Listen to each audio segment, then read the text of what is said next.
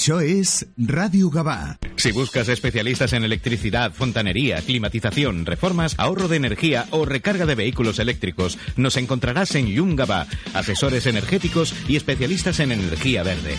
Consúltanos sin compromiso y confía en la experiencia profesional de los que siempre estamos a tu lado.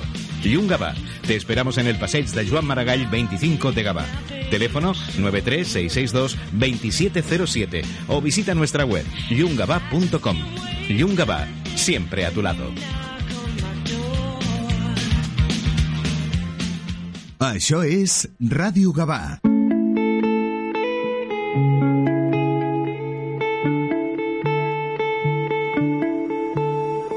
So bored, a little insecure, so tired of faking every laugh and conversations that were empty.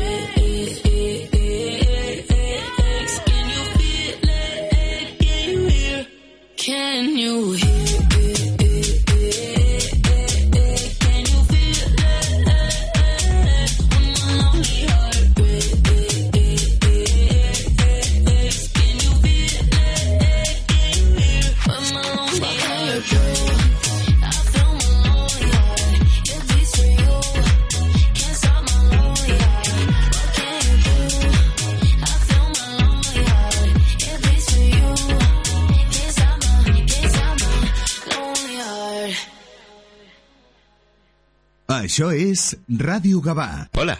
Vida Mejor, tu inmobiliaria en Gabá, tiene un plan sencillo para que vendas tu piso seguro y es que disponemos de más de 2.400 compradores para ti.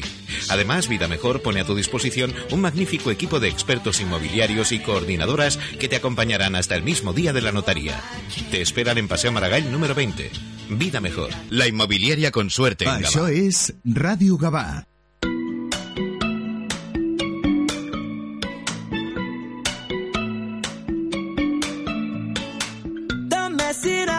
mess in your head. Cause this time no roses will do for you. Waited all night in the pouring rain. In a white dinner suit. Whoa, oh, baby, shame on me, shame on me. Shame on me for loving you so desperately, desperately. Oh, oh. And I put the blame on me, blame on me. Blame on me for loving you so selfishly, selfishly. Oh, oh. So if you leave me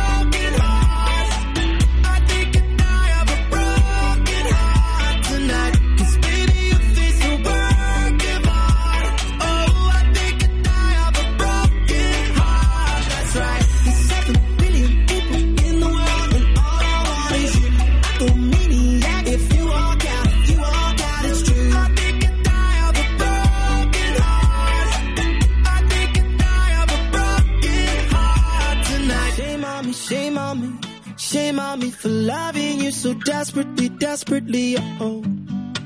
And I want the world to see, world to see that I would lose my sanity for you, baby, you, baby. Oh, oh. for you, baby. I think I die of a broken heart. I think I die of a broken heart tonight. 'Cause baby, your face a work of art. Oh, I think I die of a broken heart. That's right. Això és Ràdio Gavà.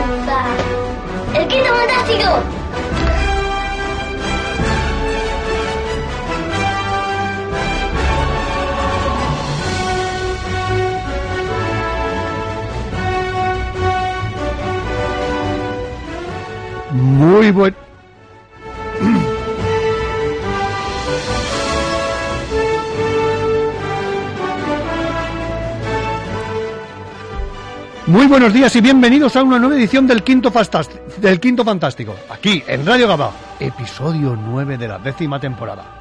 Un saludo de quien les habla, Alberto Jiménez. Desde este momento y hasta las 10 de la mañana, toda la información del mundo del cómic y de lo que lo envuelve. Como siempre, preparaos un cafetito, colocar los auriculares si estáis en el trabajo, preparaos para una nueva aventura muy intensa, eh, pero antes que nada, dar la bienvenida a una de las hijas del dragón, a quien manda, a quien nos ordena en el estudio. Doña Maite, muy buenos días.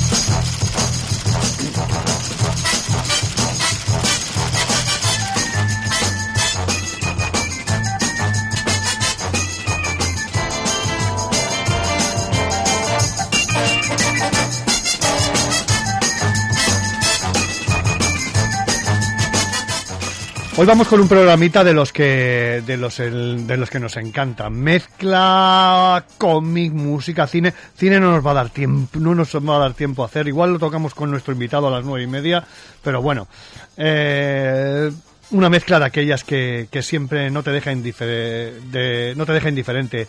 Pura esencia setentera. Analizaremos y disfrutaremos ese olmigol que nos recopila las aventuras de dos, dos, super- dos superhéroes llenos de carácter, de solidaridad, de astucia, de amiguismo absoluto. Eh, ¿Cómo no? Me refiero a Power Man, Luke Cage y Puño de Hierro, Danny Rand.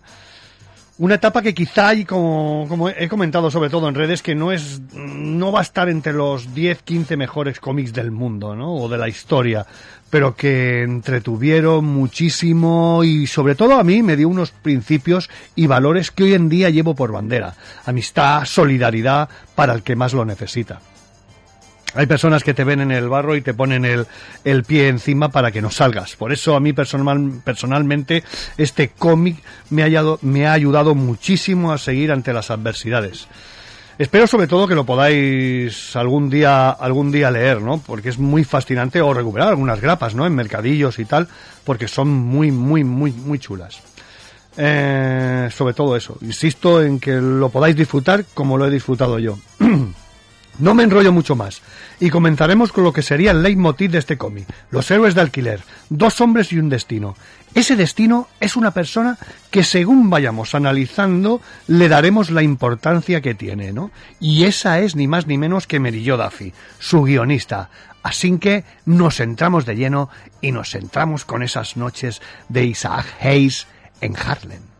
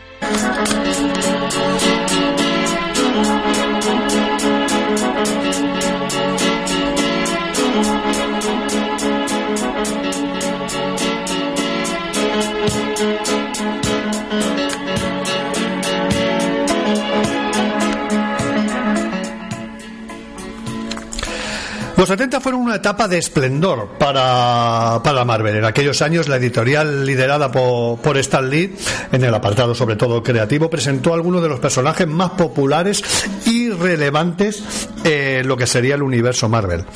Los títulos de varios de aquellos series y grupos comenzaron a mostrar signos de agotamiento sobre todo en, en este, en este periodo de los- del 69 al 70. Eh, se tomaron decisiones muy drásticas, sobre todo de cerrar colecciones muy, muy, bueno, en aquel momento, pues las teníamos muy ar- arraigadas, como podían ser Patrulla X aquí en España, X-Men allí, Doctor Strange, Doctor Extraño aquí, ni Furia, Agente de Shield o la propia Silver Surf, Estela Plateada. En definitiva, eh, fue más un, tema de ventas, ¿no? De evoluciones, en fin, dictó el futuro de estas colecciones que aquí nos marcaron tantos, ¿no? De hecho, muchos de estos personajes acabaron perdidos por todo el universo Marvel e incluso muertos cuando sus respectivas colecciones dejaron de ser publicadas. Hay que decir que volvieron, tarde o temprano, pero el proceso resultante fue muy, muy crepuscular. crepuscular. Además, poco agradable para todos aquellos lectores que habían seguido su trayectoria durante años. Fijaros que aquí en España Vértice, hablo en el caso de que yo, he sido siempre muy fan de, de Patrulla, ¿no? Y esos 32 números iniciales de Vértice, eh, de repente nos lo vimos cortados, bueno, sin saber qué hacer y con una nueva edición en un nuevo formato como lo editó Vértice. En definitiva, resulta evidente que el panorama de Marvel no era el más optimista, sobre todo de cara a los 70.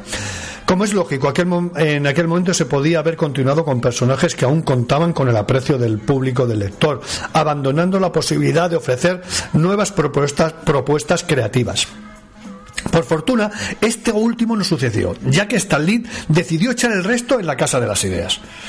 Eh, ¿Qué quiere decir con eso? La editorial fue capaz de seguir sorprendiendo a sus lectores, de ahí que no tardara en, en comenzar a generar un ambiente eh, para fomentar nuevos personajes, nuevas colecciones, eh, en lo que Stan Lee, fijaros que siendo un- una especie de preludio de lo que sería el universo cinematográfico Marvel, esta fase la llamó fase 2 de Marvel. Uno de los planteamientos que se utilizaron para crear nuevos personajes fue algo tan importante como ser consciente de lo que sucedía en la calle. Fijaros que este detalle es muy importante. Al hacerlo, los creativos se inspiraron en todo tipo de movimientos culturales, pero en especial, sobre todo, a la Black Exploitation, un tipo de cine donde los afro- afroamericanos eran los grandes protagonistas. Pasaban ya de ser el blanquito de turno, ser el jefe, su segundo es el, el el negro que moría a mitad más o menos de la película o al final, ¿no? dejaron de ser esos secundarios de turno. Una de las películas que sobre todo cimentó este género cinematográfico de, fue ni más ni menos que Shaft en 1971. Estrenada en España, fijaros con, el título de Las Noches Rojas de Harlem. Su gran protagonista, John Shaft, un detective privado interpretado por el actor Richard Roduntre, que por cierto hace poco falleció. Es una pena. Es, todos estos personajes, Jim Brown, eh, Richard Roduntre, habría que hacerles un homenaje, pero grande. Hoy intentaremos también darle un poquito de, cancha. Los, los editores y creativos de, de- de Marvel quisieron llevar la Black Exploitation al universo Marvel, aunque partiendo de cero y estableciendo en un planteamiento bastante radical y extremo. Lo hicieron mediante un nuevo personaje. ¿Cómo se llamaba este personaje? Carl Lucas, que había sido encarcelado por un crimen que en realidad no había cometido. Una vez en la prisión se convirtió en un absoluto infierno. Para él, sobre todo. Así que hasta que su participación en un experimento científico le dotó de una piel de acero, a prueba de balas y una fuerza sobrehumana. Eh, me remito al anterior programa que realizamos sobre, sobre Powerman, en que metimos también música y tal, eh, y explicamos prácticamente pues todo, todo ese, todo ese origen, ¿no? La clave que hizo realmente interesante a este nuevo personaje fue su, su decisión de ganarse y ofreciendo sus poderes a todo aquel que pudiera pagar por sus servicios. Es decir, convirtiéndose eh, en esos héroes de alquiler. A veces su altruismo les perjudicaba porque eh, ayudaban a la gente y no, y no cobraban un duro. Otro de los, aspectos más relevantes residió en el hecho de que Luke Cage no fue presentado en una creación genérica, sino que apostaron por ya por él desde el principio, por eh, un número uno como fue Luke Cage Hero for Hero, for Hero un número uno USA, ¿no? Que salió en el 72, ahí con un guion de Archie Godwin eh, y dibujado por George Tuska y Bill Graham. Aunque, aunque hay que destacar sobre todo que la creación del personaje fue de Roy Thomas y John Romita. Este último tuvo la idea de situar una gran cadena en la cintura, una diadema y elementos que serán iconos, ¿no? Eh, muñequeras, pantalón de cuero negro, sobre todo esa camisa amarilla y las botas del mismo color conformarían sobre todo pues ese aspecto y ese icono que ha sido el héroe de alquiler. No tiaria, no glory, como diría mi gran amigo Albertito Lorazor. Eh, en la parte inferior de la portada de aquel primer número se podía leer sensacional origen, lo cual era cierto, ¿no? Luke Cage era una auténtica sensación por a- en, a- en aquel momento. La elección de Cage por llamarse Powerman, es decir, hombre poder, eh, fue un poquito conflictiva, ya que había un superhéroe que, que tenía ese, ese mismo nombre, ¿no? Eh, así que Luke Cage fue probablemente el primer superhéroe que luchó por, por, defender su nombre, ¿no? Por suerte logró derrotar al villano de turno, que era eh, el, Powerman, eh, el Powerman este del universo Marvel. Creo recordar, bueno, claro, no, eh, salían los Vengadores y creo que salió en la Legión del Mal y salía salía como con el nombre de hombre con el nombre de, de hombre poder. Todo un auténtico lujo el empezar y luchar por su nombre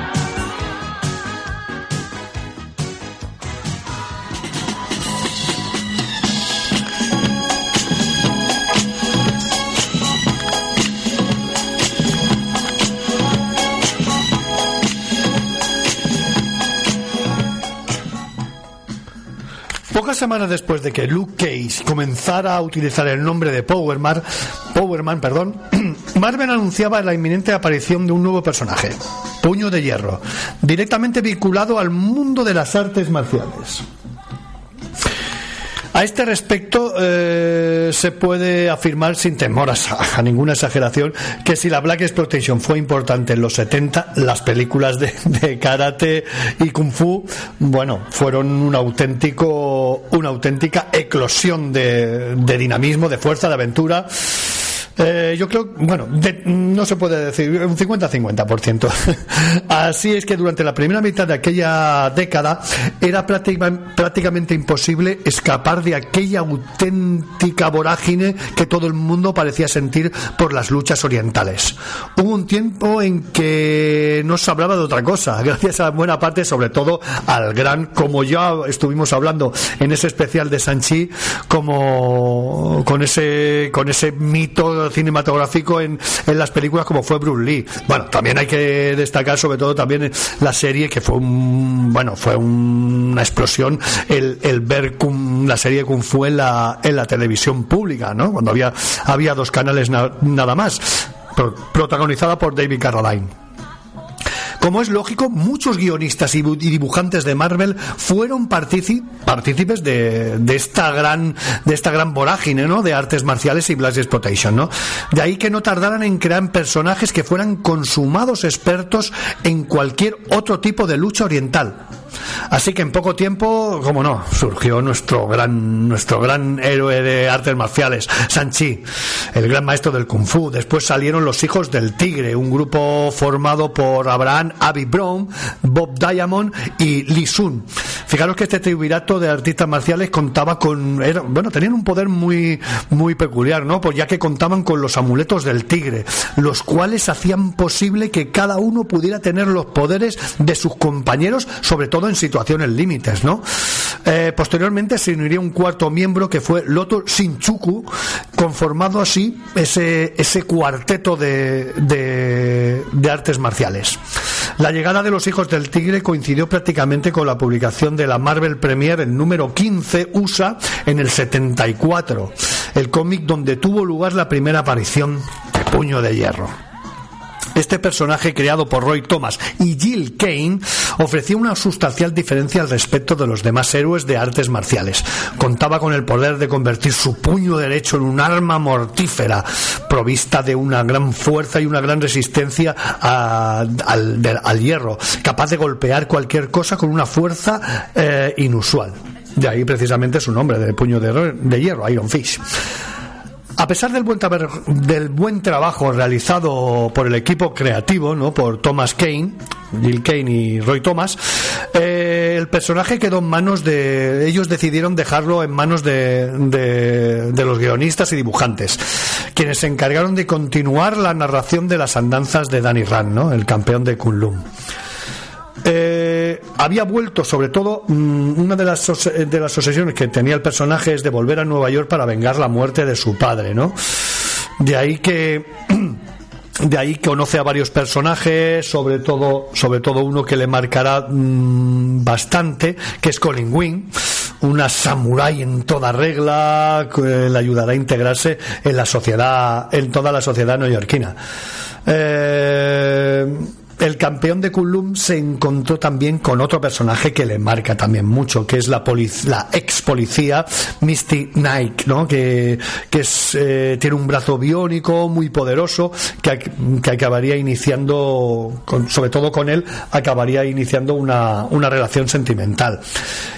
Lo bueno del caso es que Colin Wynne y Misty Knight tenían una entidad por sí mismas, eh, una entidad, perdón, es decir, una oficina, eh, ya que ambas se unieron para formar un equipo de detectives privadas, ¿no? Que funcionaría bajo, el logo de investigaciones Night Winch, que, eh, que aunque muchos la conocían como, sobre todo a ellas dos, pues mm, como, la- eh, como el grupo de investigación este, no, sino las conocían como la, las hijas, las hijas del, del dragón.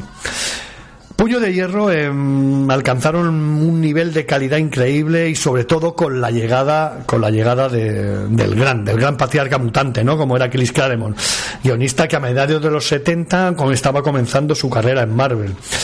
bueno, que os voy a comentar, ¿no? De, Claremont, X-Men, Marvel Teen Up, bueno, eh, cogió la serie de Puño de Hierro, eh, sobre todo en Marvel Premier. La mejora de este último, fijaros encima, lo que gana sería mayor la, cuando llega también como dibujante John Byrne. En- entra a formar parte de este equipo.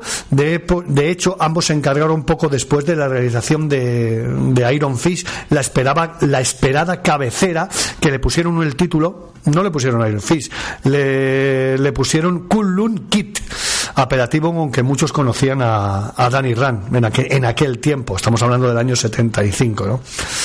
Aparece en ese verano del año 75 ofreciendo sus primeros números del, mm, del desarrollo y conclusión en la saga del maestro Khan, un extenso ciclo argumental donde también apareció Alan Kavanaugh, un ex terrorista del IRA, experto en explosiones, que por cierto aparece también en este, en este número.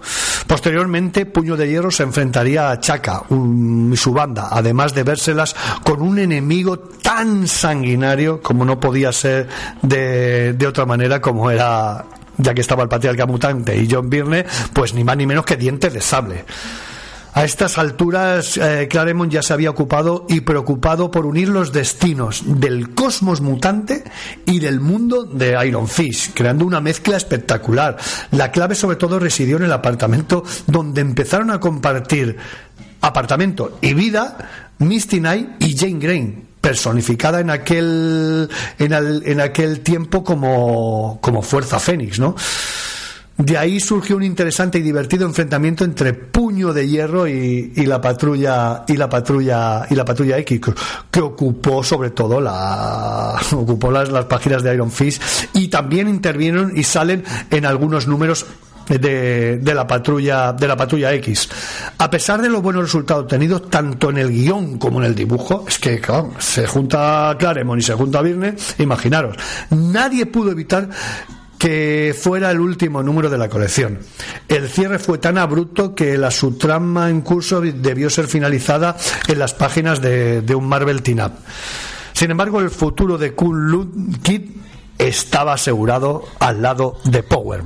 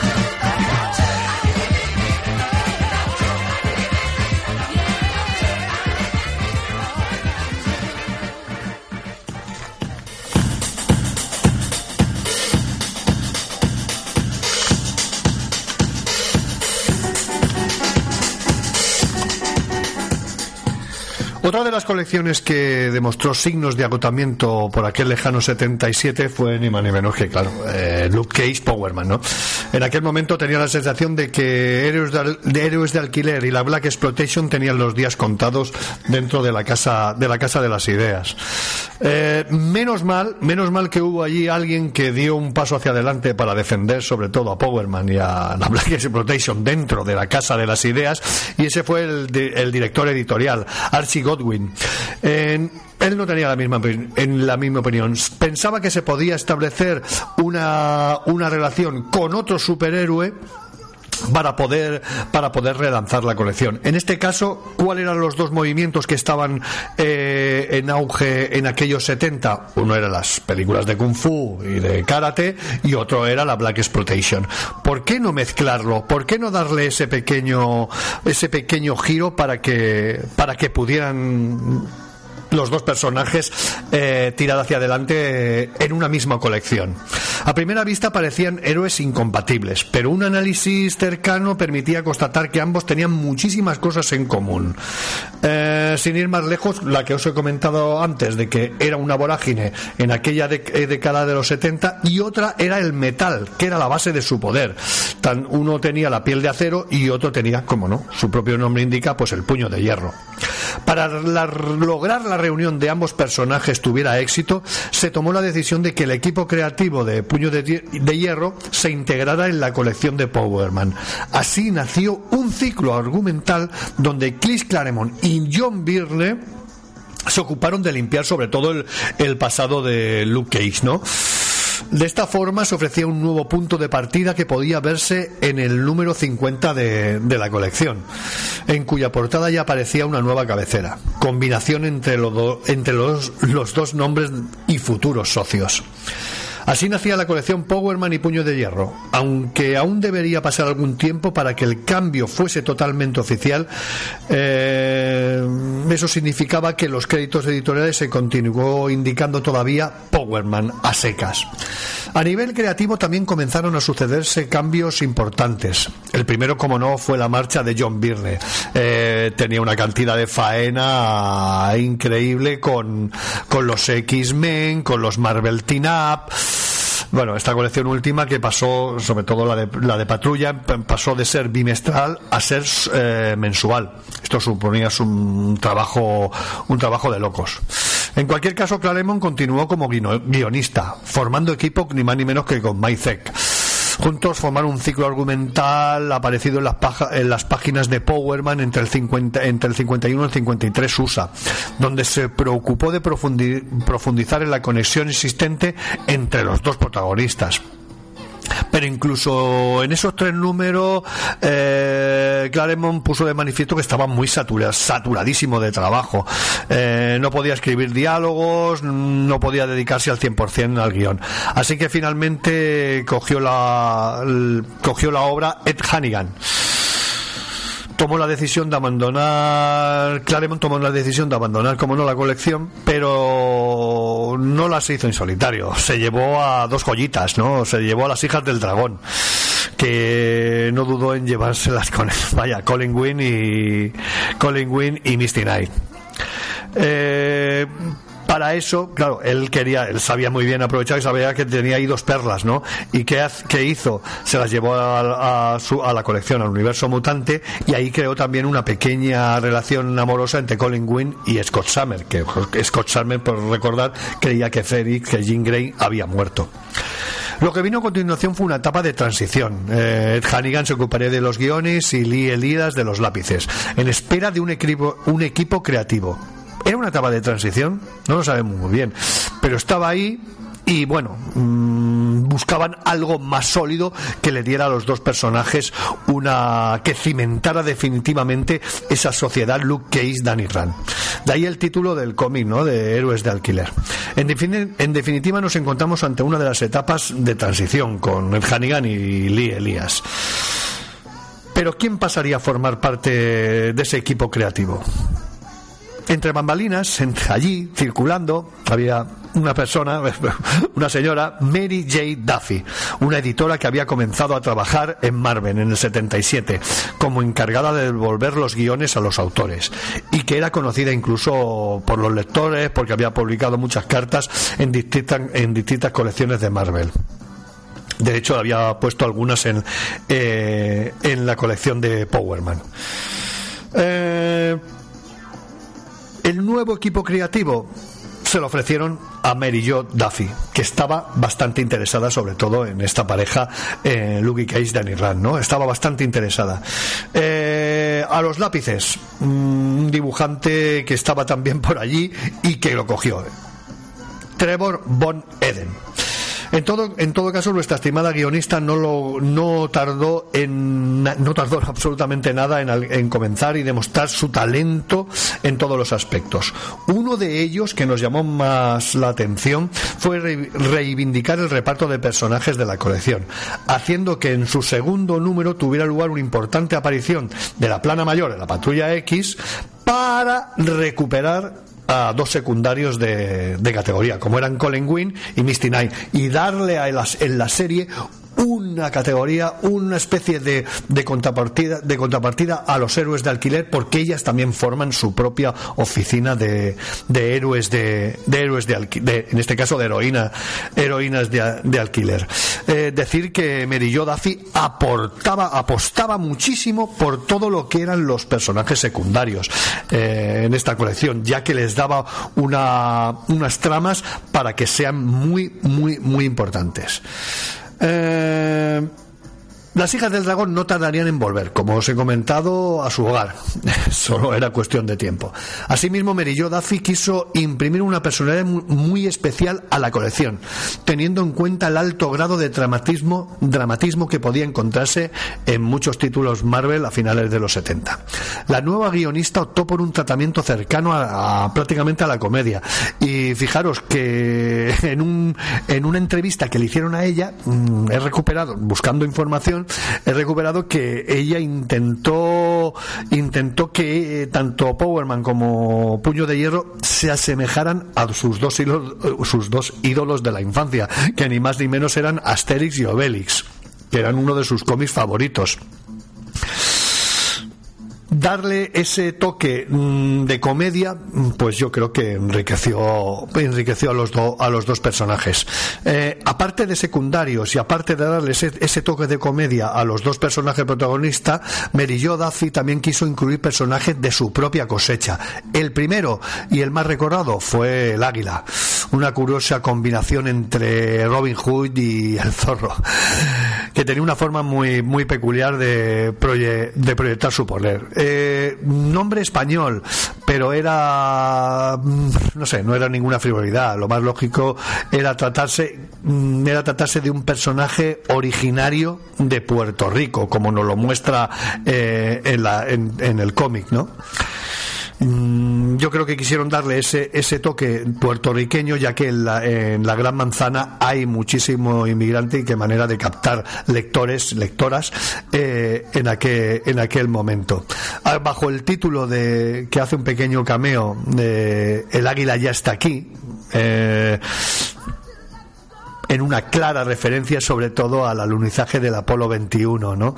Yo creo que todo, todo el cómic está lleno, está lleno de cameos. Lo de Ha llegado el águila me llamó muchísimo la atención porque en los 70 había como recordáis hay una película hay una película muy de, bueno es bélica es de la, es de la segunda guerra mundial que es ha llegado ha llegado ha llegado el águila no muy interesante un comando que se infiltra, se infiltra en Inglaterra para eliminar a Winston Churchill de lo más bonito. Bueno a lo que íbamos que me enrollo más que una persiana. La situación finalmente entre Powerman y Puño de, de Hierro tenía un destino bastante claro y ese destino se llamaba Mary Jo Duffy.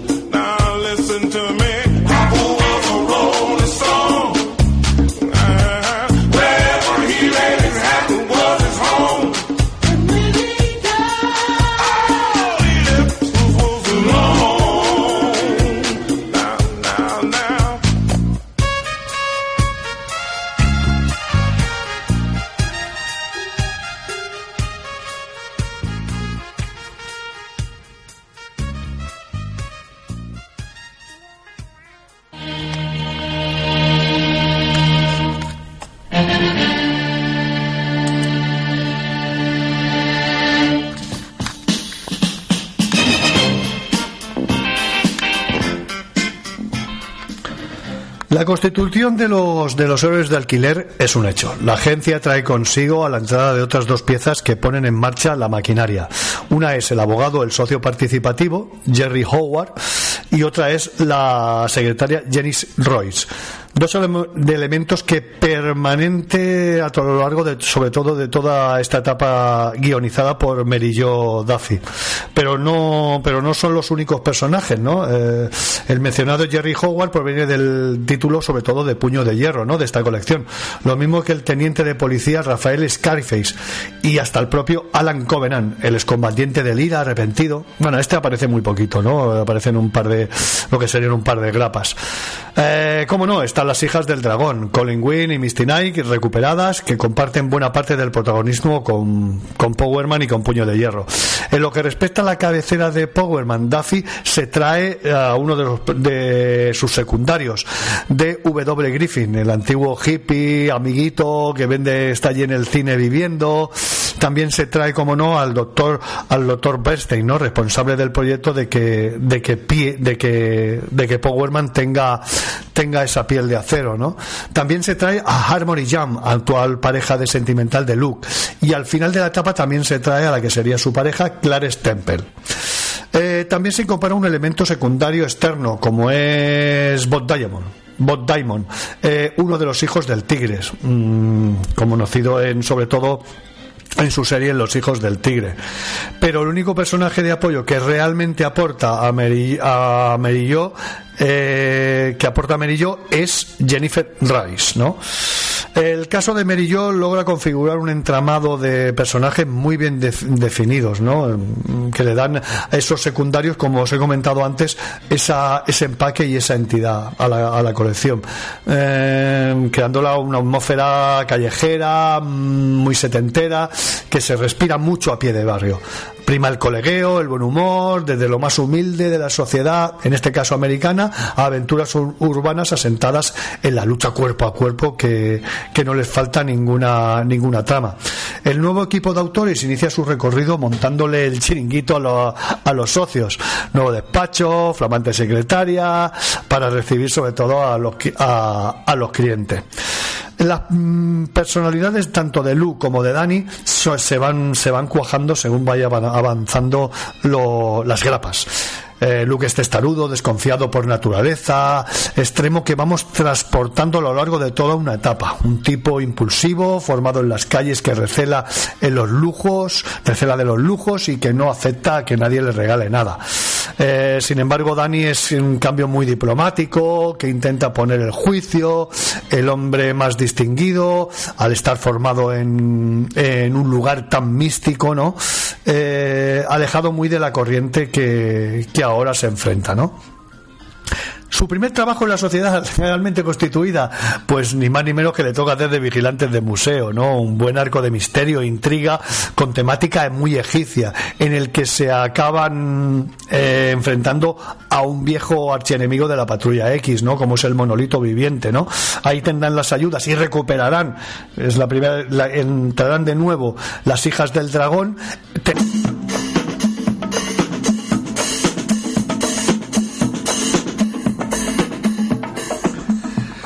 Bueno, pues en el siguiente arco, en el siguiente arco tendremos el regreso a un país ficticio llamado Halwan y de la princesa Azir. Este, estos personajes salen rescatados sobre todo de la colección Puño de Hierro. Mm, Unas grapas muy abundantes en personajes que tienen, que los secundarios tienen muchísimo, muchísimo que ver, como es Covenant, Misty, Colin, Scarfe, Jenny, Griffin. Eh, historias sobre terrorismo, regímenes opresores, que acaba, mm, empieza muy bien, empieza muy bien, pero creo que acaba sin darnos una, una respuesta quizá a lo que buscábamos en aquella época, en los años, en los años 70. Eh, una magnífica historia es sobre los mafiosos, los ajustes de cuenta, la venganza. Ahí tenemos, después de esta historia, abrimos, abrimos fuego sobre, sobre esto, ¿no? Fijaros que ahí tenemos a la magia, tenemos a Caesar Cicero, escudado por, sobre todo, por un esbirro, el hombre montaña, Marco, un rival de armas tomar que le- se las pone muy, se las pone muy difíciles a, a Powerman. En la parte más dramática corresponde a Trueno, otro antihéroe, antihéroe ya presentado, ya venía, ya venía de la colección de Powerman, pre- previsto de, provisto de superpoderes, pero no muy, no muy originales. El mejor regreso es de dos villanos, eh, que vienen pre- precisamente de la colección de Powerman, Señor Muerte y Señor Suerte. Ya nos encontramos ante un, un único personaje en el anterior volumen, pero que aquí ya nos lo dan en dos identidades, ¿no? Ya el Señor Suerte y el Señor Muerte pasan a ser dos personajes, aunque trabajan juntos, pero pasan a ser dos personajes distintos. Eh, tampoco faltan episodios en los que Daffy opta por la forma más directa de la diversión, humor, como es el caso en que descubrimos el centro, sobre todo el centro de operaciones de, del- de ese, de ese abogado caprichoso como es Jerry Howard, ¿no? Un sofisticado complejo al que se llama el nido, donde todos sus empleados son... eh, perdón, empleadas son esculturales mujeres muy, muy bien armadas, ¿no? Mujeres femme fatales, ¿no? Como diría.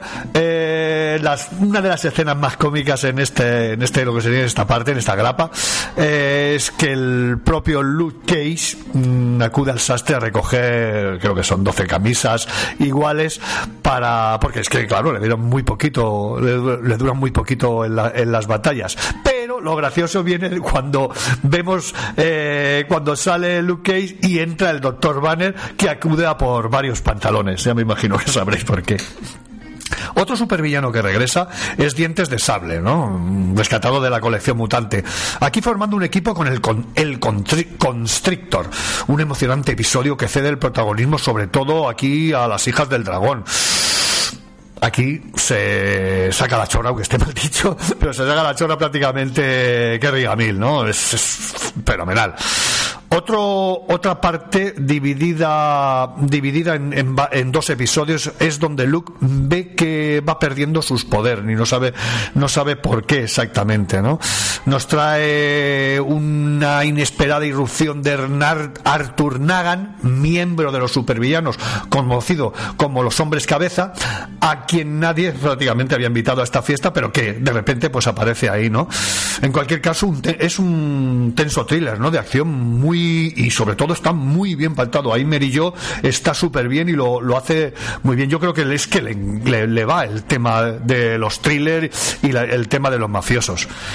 Danny y Luke se ven obligados a atender una, una- también a un aspirante de dictador de otro país, sin, otro país inventado. Merillo inventa varios países, ¿no? En este caso es Terranueva. A continuación, después también hay un divertido episodio en el que una moneda con increíbles capacidades se erige en el centro de atención eh, tanto de los personajes como del propio lector. Es que arrastra también al propio lector, no sé, ahí eh, interviene un poquito la cuarta pared.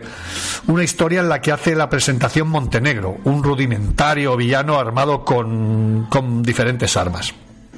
El siguiente turno es para los Tigres Dorado- Dorados, una banda de delincuentes que siembra el terror en Chinatown.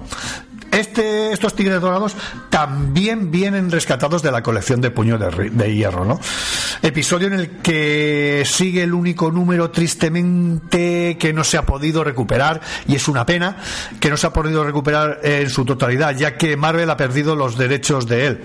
Es de Rom, eh, el caballero del espacio, ¿no? Eh, no se ha podido incluir muchas páginas en, la- en las que aparece él, pero eh, podemos disfrutar de un resumen escrito, escrito del episodio. Uno de los, y uno de los arcos más destacables de la etapa de Duffy, en la que saca a sus dos protagonistas del ámbito urbano y los embarca ni más ni menos que a la mística Kunlun. Son un par de episodios en los que Kerry Gamil hace su trabajo más sobresaliente porque allí se encuentra donde puede disfrutar, donde puede hacer personajes místicos, en fin, un auténtico, un auténtico derroche de, de talento, ¿no? El que tiene Ker- Kerry Gamil, ¿no? Eh, ahí nos encontraremos a Lei Kun, conocido como el Tronador, el gobernante Yuti, mientras que también el- uno de los archienemigos, que es el maestro Khan, acompa- acompañado, como no, de su ninja fantasmal. También nos encontraremos a, a los hombres, a los hombres pla- planta que juegan un papel muy importante, sobre todo en la batalla central, que creo que es la cima. Y la batalla central es la cima del, del, del, del- dibujo de, de Gamil. Danny Rand encuentra también respuestas sobre su pasado, al tiempo que Marillo des- destifica, la guionista nos destifica un poco la ciudad sagrada, ¿no? Eh, que nos, nos dice que no es tan no es tan enigmática y na- no es tan bonita como como nos la pintan, ¿no? Sino como un lugar también en el que la corrupción ha hecho mella. Después también tendremos a Puño de, de Hierro se enfrenta a un viejo conocido suyo, el Halcón de Guerra. Eh, un episodio guionizado ahí. Tenemos a Chris Claremont y Frank Miller. Frank Miller al dibujo. Eh, bueno, no está mal. Va, corramos un tupido velo. por otro, eh, por otro lado, eh, Merillo y Mark Bright nos ofrecen un relato muy cómico en el que el un insensato, bueno, un vampiro, aquí, bueno, está bien, bueno, para reírte un rato y pasar un, un ratito bien. Para mí, el- uno de los, eh, aparte del de Kunlun, está también el crossover este que hacen con el, con el Daredevil, con el Daredevil de Frank Miller, ¿no? Un poquito con, dosis de humor, ¿no? Fijaros que Foggy contrata a los héroes de alquiler como guar- guardaespaldas del abogado de, de Matt Murdock, dando lugar a situaciones bastante rocambolescas. Luego, en la mitad de la colección que nos ocupa, tenemos una historia sobre un amor imposible entre dos bailarines rusos, en el que Daredevil entra como, como invitado. Dennis Conway es el, es el hombre elegido para sustituir a Gamil. Su trabajo va de, mm, a ver, va de menos a más, pero bueno, va ganando también en calidad.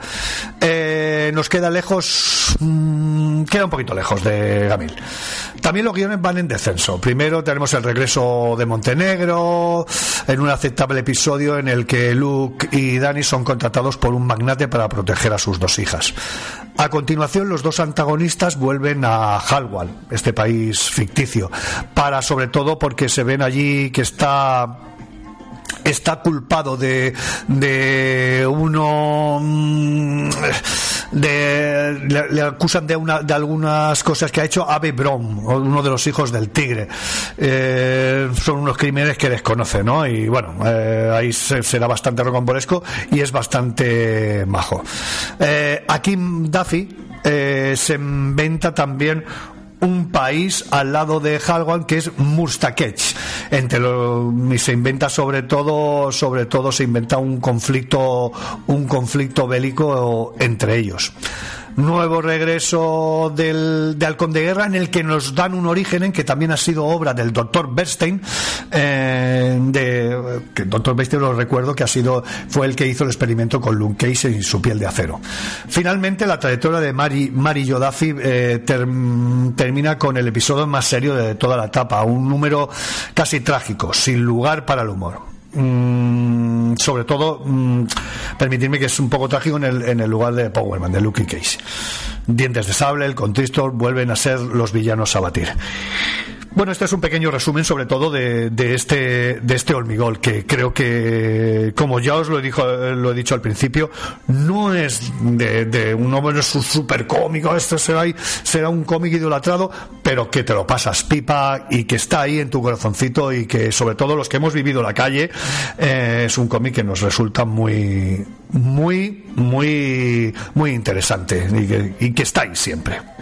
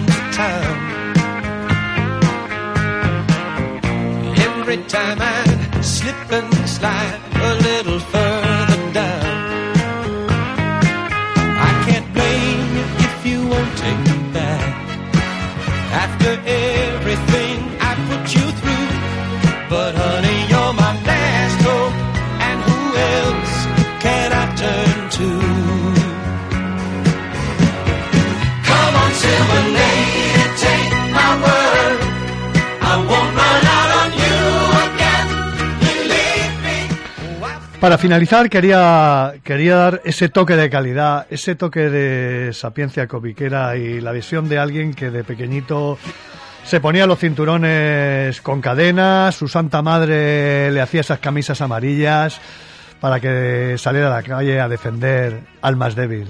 Don Alberto Tais Parrillas. Muy buenos días y bienvenido una vez más al quinto fantástico de Radio Gabá. Un, un placer, como siempre, estar aquí contigo. ¿Qué tal, Albertito? ¿Cómo estamos? Muy bien, muy bien, muy bien. Pues aquí me he escapado un momentillo para hablar de, de esta pareja, ¿no? De, de estos tíos grandes.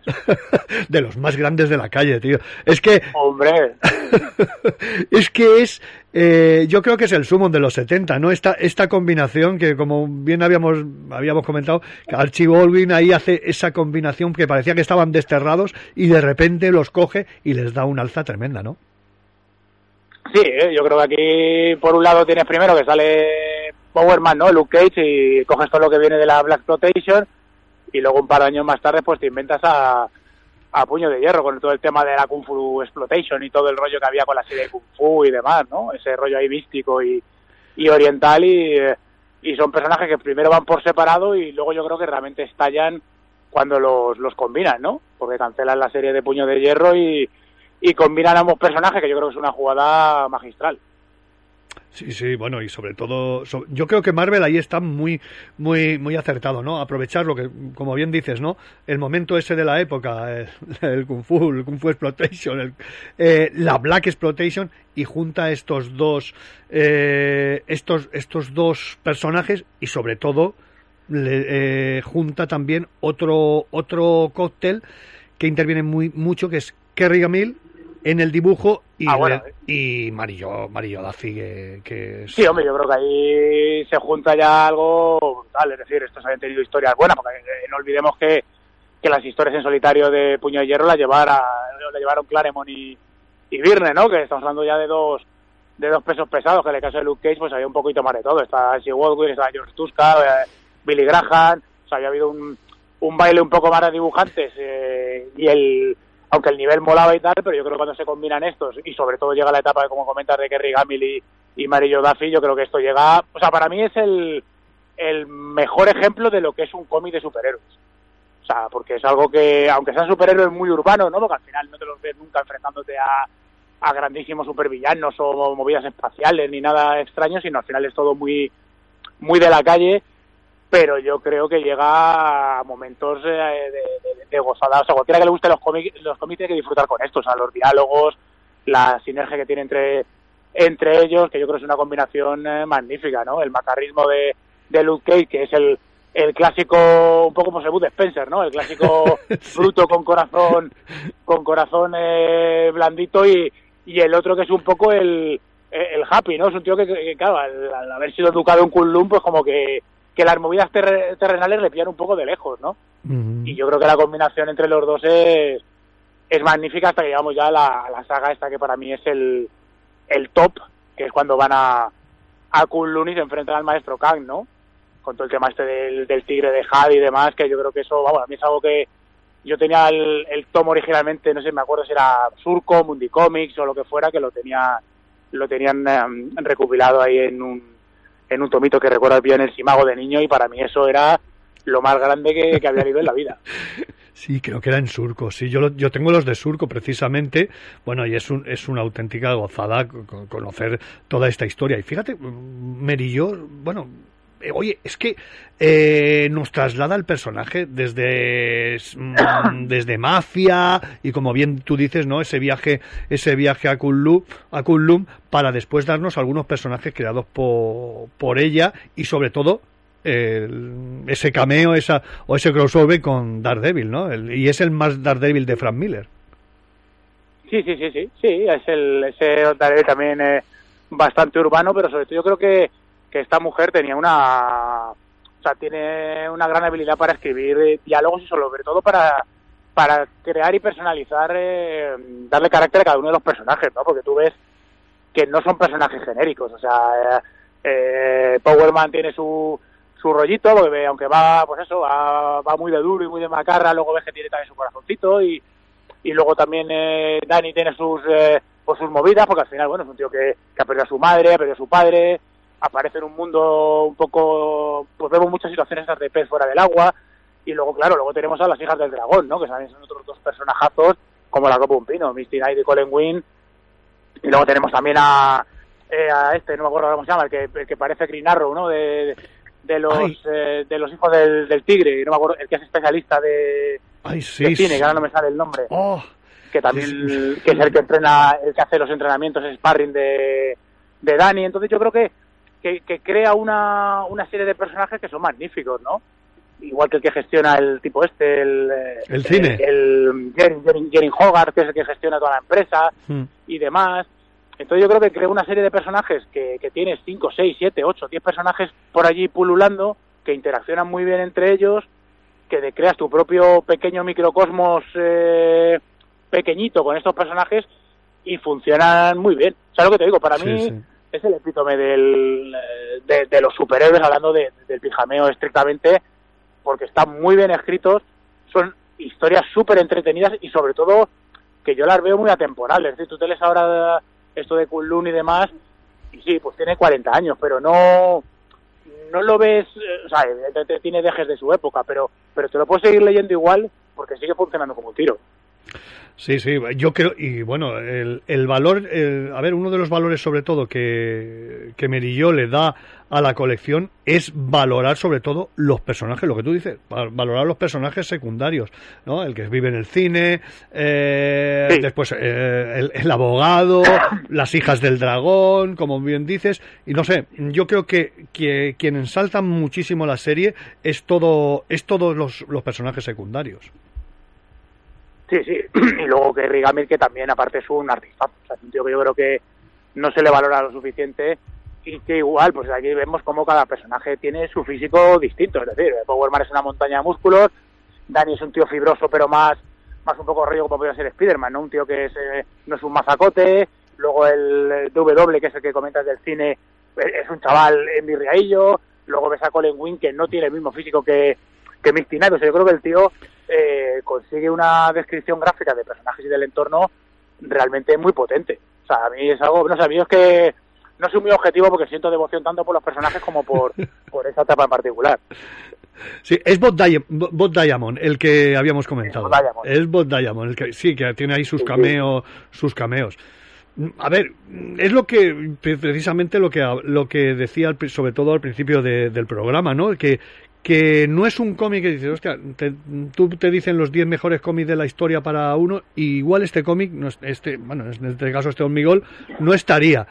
Pero, ostra, es que mm, te ha dejado tanto en tu corazoncito y sobre todo lo que, lo que decíamos, ¿no? A los que hemos vivido la calle, eh, te ha dejado tanto, tantas cosas, más después. Mm, que preci- precisamente eh, una, una de las cosas que te quería comentar, fíjate, que, que en los actores aquellos setenteros y ochenteros, ¿no? En los que nos veíamos, veíamos reflejado, hostia, este tío cómo haría Powerman, los, los Richard Dontré, los Jim Brown, los Fred Williamson, los, los Jim Kelly. No sé si tenías tú esa impresión también. Sí, hombre, yo cuando veías a... Bueno, a ver, tú eres también una generación superior a la mía, con lo cual yo esto ya yo lo vi ya en...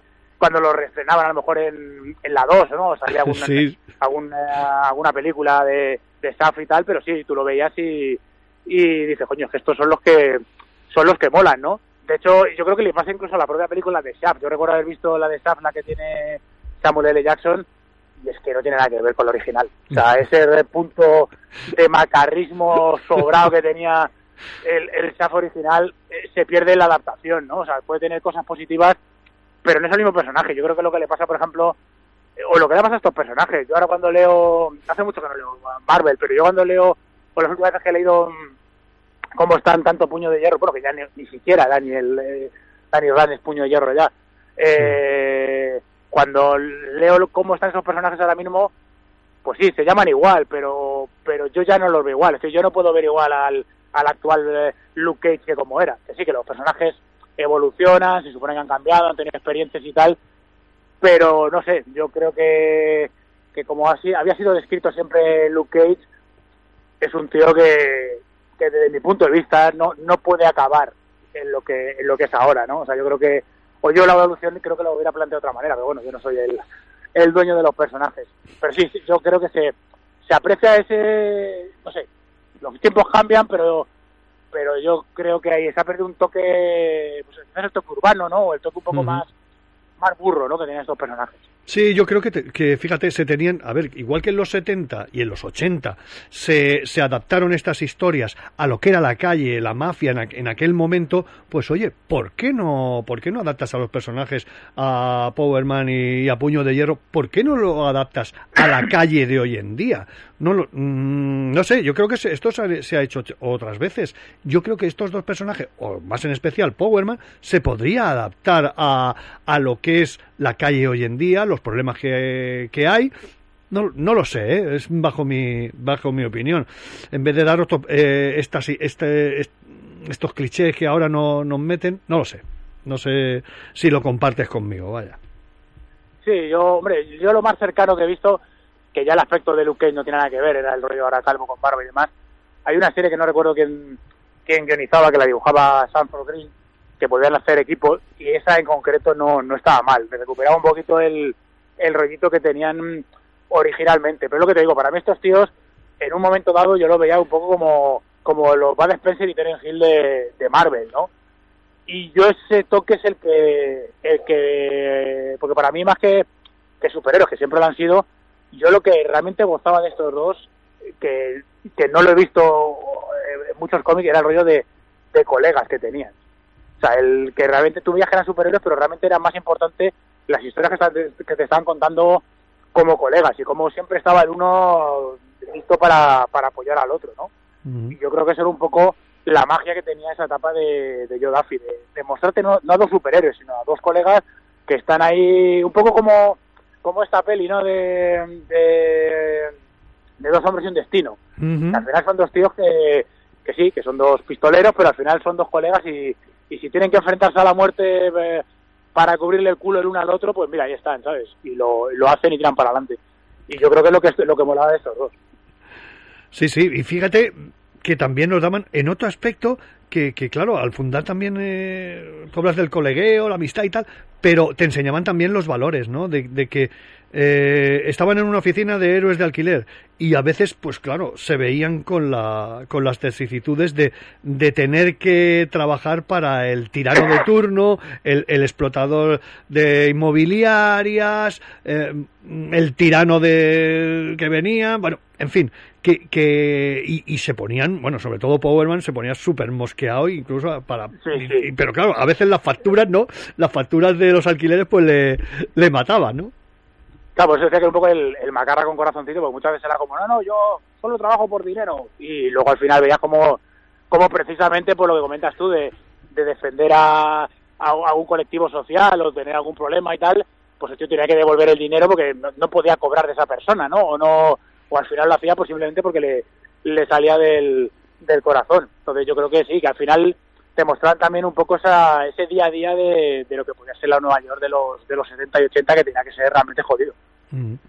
No me voy a enrollar mucho más porque sé que estás trabajando y oye, a ver si te emplazo te emplazo para un programita de Black Exploitation, fíjate, y con otro con otro tipo que es, es genial, os recomiendo recomiendo a los oyentes que, escu- que escuchen, hay uno de 100% de 100% licra que habla que tanto Albertito como David Barelux hacen 15 temas cada, eh, creo que son unos 10 o 15 temas cada uno eh, en relación a los personajes y es espectacular.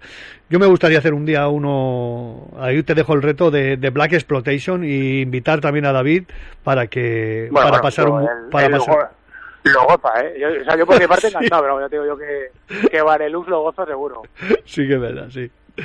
Oye, pues un placer inmenso que hayas estado en esta parte final. Queríamos meter la guinda, queríamos meter ese toque de calidad contigo y, y muchísimas gracias por una vez más por, por estar ahí. Gracias a ti siempre, Albert. Pues venga, una, un abrazo. Oye, me despido, me despido precisamente con alguien que no, que, que nos, que, bueno, te despido a ti con alguien que nos dejó hace muy poco, que fue David Soul, nuestro Hatch, ¿no? Y con el tema que hizo de Silver Lane, bueno, un tema muy setentero. Ya, seguro que lo habrás escuchado alguna vez. Sí, Una- sí, un abrazo, un abrazo. Venga, hasta luego, Albert.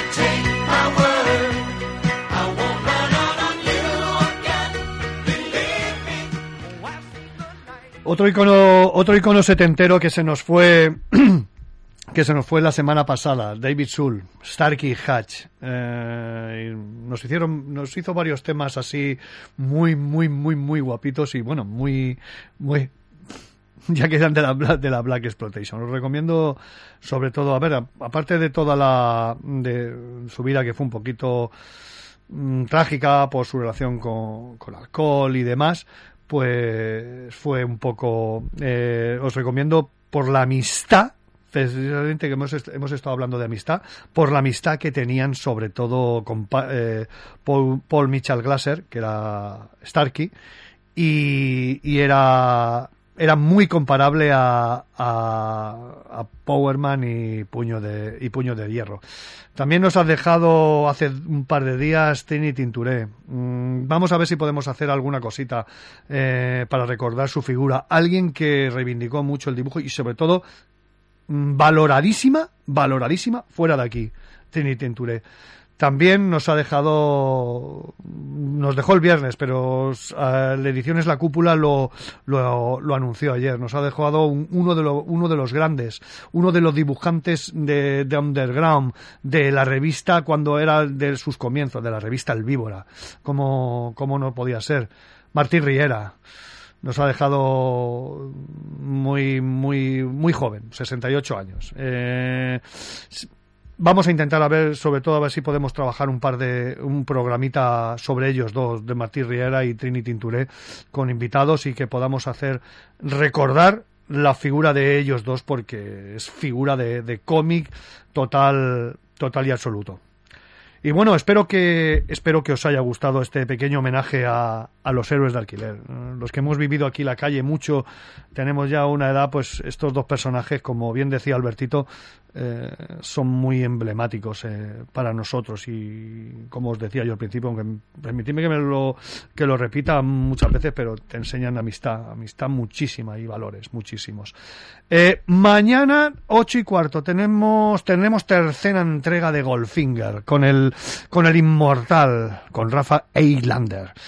Así que os espero para que repasáis este este asalto a Fornox para para disfrutarlo y que lo, podáis disfrutar aquí en Radio Gabá y en las ondas de frecuencia también, en el podcast de Frecuencia Global. Así que sin más, me despido hasta mañana. Eh, em, aparte de mañana, os emplazo ya también para el mes que viene y vamos a ver si podemos trabajar en esto, en estos programitas. Así que si queréis un leer un cómic por la radio, aquí, en Radio Gabá. Gracias.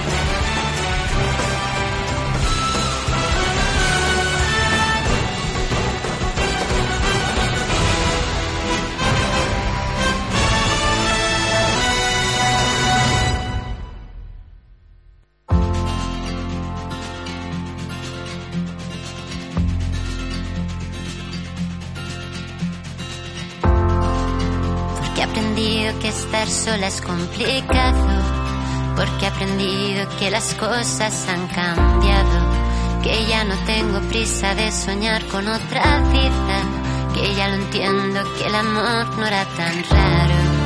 Es que me estoy perdiendo poco a poco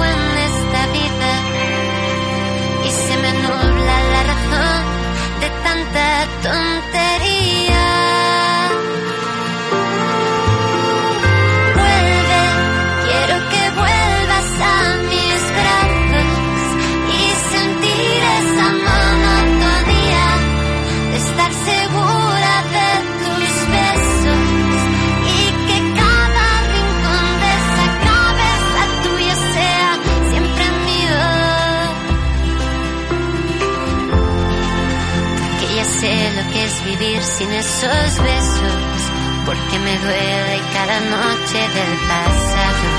Que ya penado es suficiente, me parece. Que la vida sin tus cosas me hace daño. Y es que aunque juzgues que es injusto, no me importa. En mis ojos se ha marcado que no miento.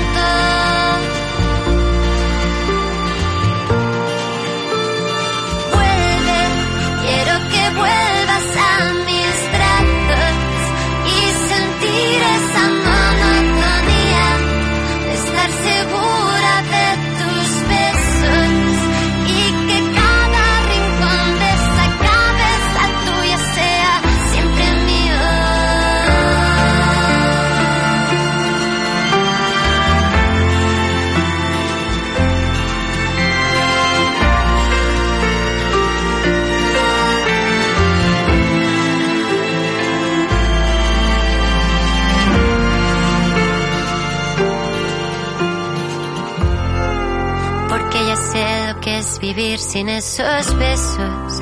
Porque me duele cada noche del pasado. Que ya penazo es suficiente me parece.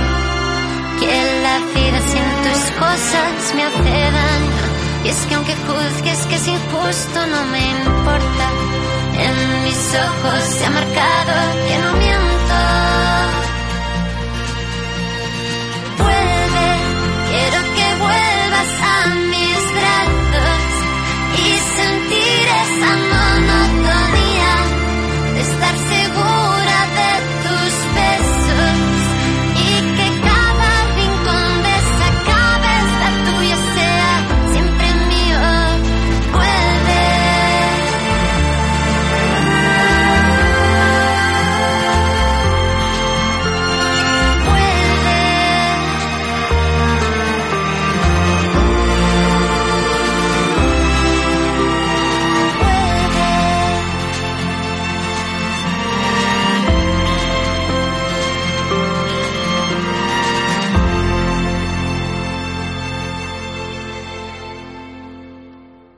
Això és Ràdio Gavà. Hola. Vida Mejor, tu inmobiliaria en Gabá, tiene un plan sencillo para que vendas tu piso seguro, y es que disponemos de más de 2.400 compradores para ti. Además, Vida Mejor pone a tu disposición un magnífico equipo de expertos inmobiliarios y coordinadoras que te acompañarán hasta el mismo día de la notaría. Te esperan en Paseo Maragall número 20. Vida Mejor, la inmobiliaria con suerte en Gabá. En Ianes Plantillas Deportivas Gabá contamos con un equipo de podólogos que cuidarán y mimarán tus pies como nunca lo hicieron. Con más de 30 años dedicándonos a la podología, somos líderes en plantillas. Contamos con servicio especializado de cirugía del pie, destacando entre nuestros pacientes deportistas profesionales. Trabajamos con las principales mutuas, también puedes visitarte con nuestro servicio de traumatología. Llámanos 936621162 o ven a vernos. Estamos en el carré de San Josep Puriol número 7 de Gabá, porque la salud de tus pies es mucho más importante de lo que crees. Te esperamos en Ianes Gabá. ¿Te gusta el cine? ¿Quieres entrar durante 60 minutos en el universo y metaverso cinematográfico? ¿Nos acompañas a dar un paseo de cine por la séptima calle? Todos los martes de 8 a 9 de la noche en el 91.2 de la FM en Radio Gabá y en iVox, con la compañía de Carlos Sianes y Xavi Marín, encontraréis la información más completa sobre el séptimo arte.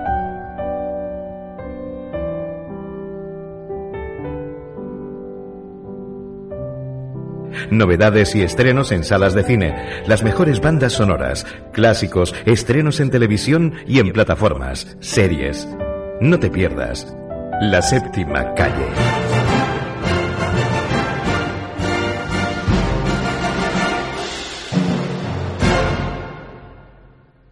Això és Ràdio Gavà.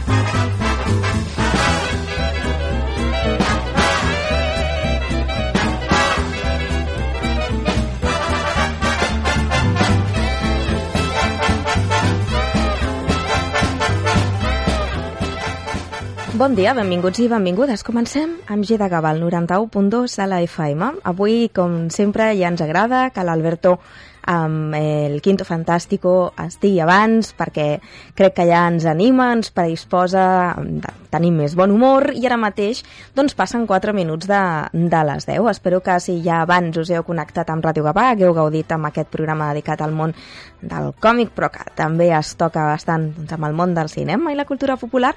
I si us acabeu d'incorporar ara, recordeu que el teniu disponible a la nostra pàgina web, l'aplicació i posteriorment també a iVox, al canal de El Quinto Fantástico. A banda d'això, doncs, gràcies per haver-nos triat entre tota l'oferta radiofònica que podeu eh, escoltar durant el matí i tota la immensa oferta de podcast i si no ens esteu escoltant en directe, doncs gràcies per fer-ho també. Recordeu que estem a Facebook, a Twitter i Ràdio Gavà a Instagram. En el cas del nostre programa i de Ràdio Gavà a Facebook i Twitter tenim aquesta duplicitat, però a Instagram ja tenim prou amb Ràdio Gavà, amb, amb aquest perfil.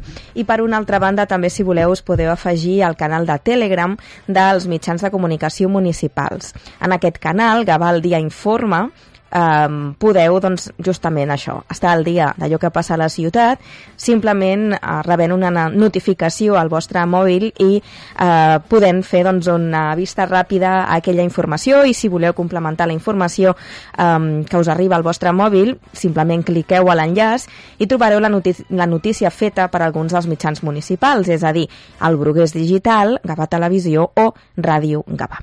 Nosaltres, que no sé si ho he dit, som Maite Alonso i Eva Rosa, de vegades començo a xerrar i no sé si ens hem presentat o no, i, i vaja, aquesta és l'única emissora que us parla d'allò que passa a la ciutat de Gavà.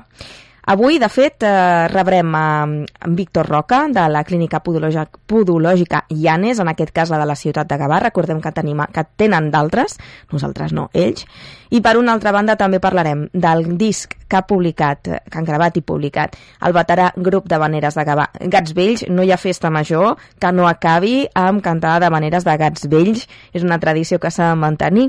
I per una altra banda també avancem una presentació literària que tindrà lloc aquesta tarda a la Biblioteca Josep Soler Vidal i també l'autor farà un altre el dissabte al matí a la mateixa biblioteca.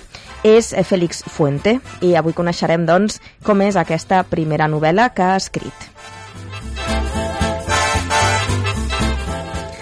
I ara sí, avui el que fem, com cada dia, és mirar les portades dels diaris.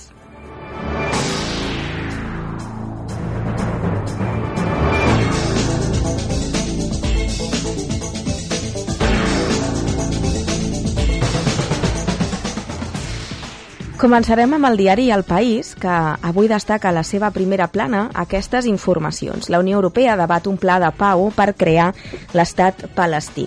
Borrell dissenya un esquema de 12 punts per resoldre el conflicte.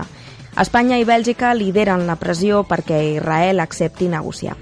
I la diplomàcia europea implica els països àrabs en les converses. El País avui també ens diu que la Fiscalia investigarà l'espionatge policial al seu cap a Catalunya. Interior va seguir Rodríguez sol per afí a l'independentisme. Feijó demà, diu perdó, que amb l'amnistia Espanya no té Constitució. El Suprem declara il·legals les expulsions de menors al Marroc i la Guàrdia Civil localitza 74 pous irregulars al costat del mar Menor.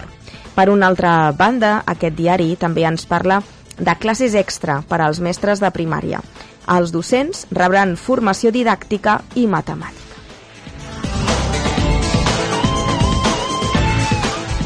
A la part superior del país podem llegir també una informació relativa a l'arxiu de la SGAE, memòria de 125 anys de creació. I en neurociència, el diari El País parla de què és el que canvia en el cervell de les dones embarassades. Imagino que farà referència doncs, a, a un estudi eh, fet en aquest sentit. El diari La Vanguardia avui ens diu la Fiscalia obre la seva primera investigació sobre l'Operació Catalunya. L'acusació pública indagarà sobre l'intent del Ministeri de l'Interior de desprestigiar Rodríguez Sol, fiscal en cap de Catalunya, el 2012. Per una altra banda, aquest diari diu que la llei transcatalana preveu un mediador entre pares i menors de 12 a 16 anys.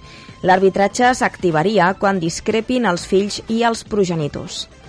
Les obres contra la sequera topen amb esculls polítics i burocràtics i la inversió immobiliària a Espanya cau un 35% i encara ho fa més a Catalunya.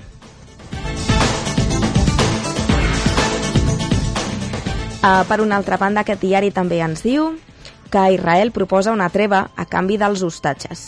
Festa d'aniversari vandàlica al metro de Barcelona. Ha suposat un cost de 135.000 euros. Per una altra banda, aquest diari també ens diu com el mal ús del bar en futbol rescata el Madrid i Modi inaugura un temple sobre una mesquita arrasada.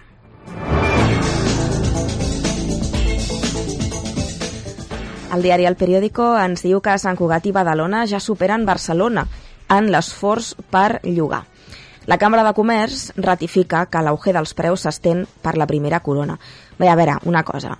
Crec que Sant Cugat i Badalona tenen poc a veure i Sant Cugat històricament sempre ha estat un municipi amb un nivell de renda alt i amb uns eh, eh, lloguers alts. Badalona hi ha de tot, eh, és bastant més plural i hi ha molts barris de classe bastant més obrera. Per tant, no sé jo si serien dos exemples que es puguin equiparar. Però bueno, Ah, per una altra banda, el diari El Periódico també ens diu avui la militància d'Esquerra Republicana debat en assemblees el possible pacte amb Collboni.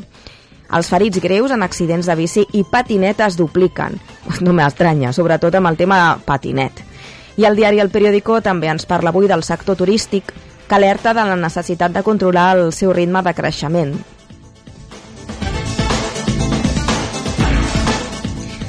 Per una altra banda, Mercat Negre per empadronar-se a Ripoll. Estafadors s'aprofiten de les traves que l'alcaldessa posa als migrants per demanar fins a 200 euros per fer el tràmit.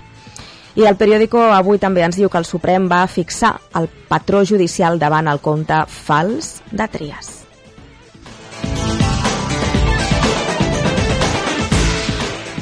El diari Ara avui ens diu que la Fiscalia obre una investigació per l'Operació Catalunya estudia les suposades maniobres de la policia patriòtica, entre cometes, contra l'exfiscal en cap de Catalunya. El Tribunal Suprem mou peça per decidir si accepta la causa de Puigdemont per terrorisme. També el diari Ara avui ens diu la política hinduista de Modi.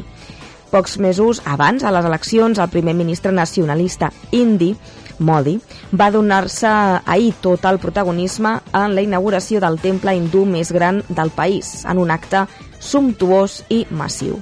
El diari Ara ens diu l'Eixample i en, essencial, en especial perdó, el carrer Aragó concentra les zones amb més accidents. Tampoc m'estranya, jo dic en conya, però no demasiada, quan, quan per motius de pràctiques vaig haver de eh, anar per l'Eixample cada dia de la meva vida, de dilluns a divendres, eh, des de on jo sortia del metro, que jo doncs, agafava el metro, mm, fins on havia d'anar sempre deia que, tema, que, que tenia por de, de que m'atropellessin i d'això fa gairebé 20 anys i és que l'Eixample és territori com Manche, la veritat, eh?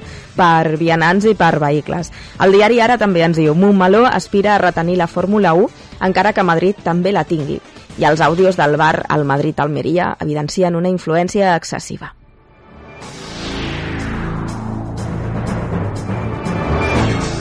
El diari El Mundo avui ens diu Educació primarà a aquelles persones que ensenyin matemàtiques efectives, entre cometes. No sé què vol dir. El govern ultima el seu pla de millora després dels resultats de PISA. Per una altra banda, avui aquest diari també ens parla d'Hurtasun, que ordena la revisió dels museus de l'Estat per superar el marc colonial. Això és un mal que en general, eh, a tota Europa, és que no cal que ho expliquem ara, però és un temazo i és bastant interessant. El diari El Mundo també ens parla d'economia, que convoca els banquers davant la tensió amb el sector. Madrid presenta el seu circuit de Fórmula 1 i aspira també a mm, portar el Mundial de MotoGP. Per una altra banda, la màgia de Zelensky es congela en el front i el triple assassinat de Morata, addicte al haixís, ocupa i prestamista amb fama de usurer. El triple assassí, perdó, no assassinat. Per una altra banda, el diari ABC avui ens diu això. Por creixent en el PSOE davant una legislatura insostenible. Augmenten les crítiques per l'excessiu triomfalisme a la presa de control de Ferraz per al govern i les dures negociacions amb els socis per aprovar decrets. El titular de Cultura anuncia que desterrarà el colonialisme dels museus nacionals. Urtasun, que és el titular de Cultura, ordena als 17 centres dependents del seu minis- ministeri que revisin les seves col·leccions per superar un marc colonial o anclat en inèrcies de gènere o etnocentristes. I el Brugués Digital, a la seva primera plana, en destaca aquestes informacions. Nova jornada de dones que inspiren a la Unió de Cooperadors. No sé si recordeu, fa molt de temps vam fer una entrevista sobre aquest tema quan es va fer la primera d'aquestes jornades. La teniu doncs, al nostre arxiu. Ara trobar-la potser és una mica difícil perquè jo crec que fa molt d'aquesta entrevista. Aquesta mm, jornada és eh, justament demà i és oberta a totes les dones i a tothom que vulguin participar. Una altra notícia de recent incorporació és aquesta que ens diu que eh, Alberto Zemborain és medalla de bronze al Campionat de Catalunya de 10 quilòmetres marxa màster. I finalment també el diari El Brugués Digital ens parla de l'estrena de Graduació Fantasma.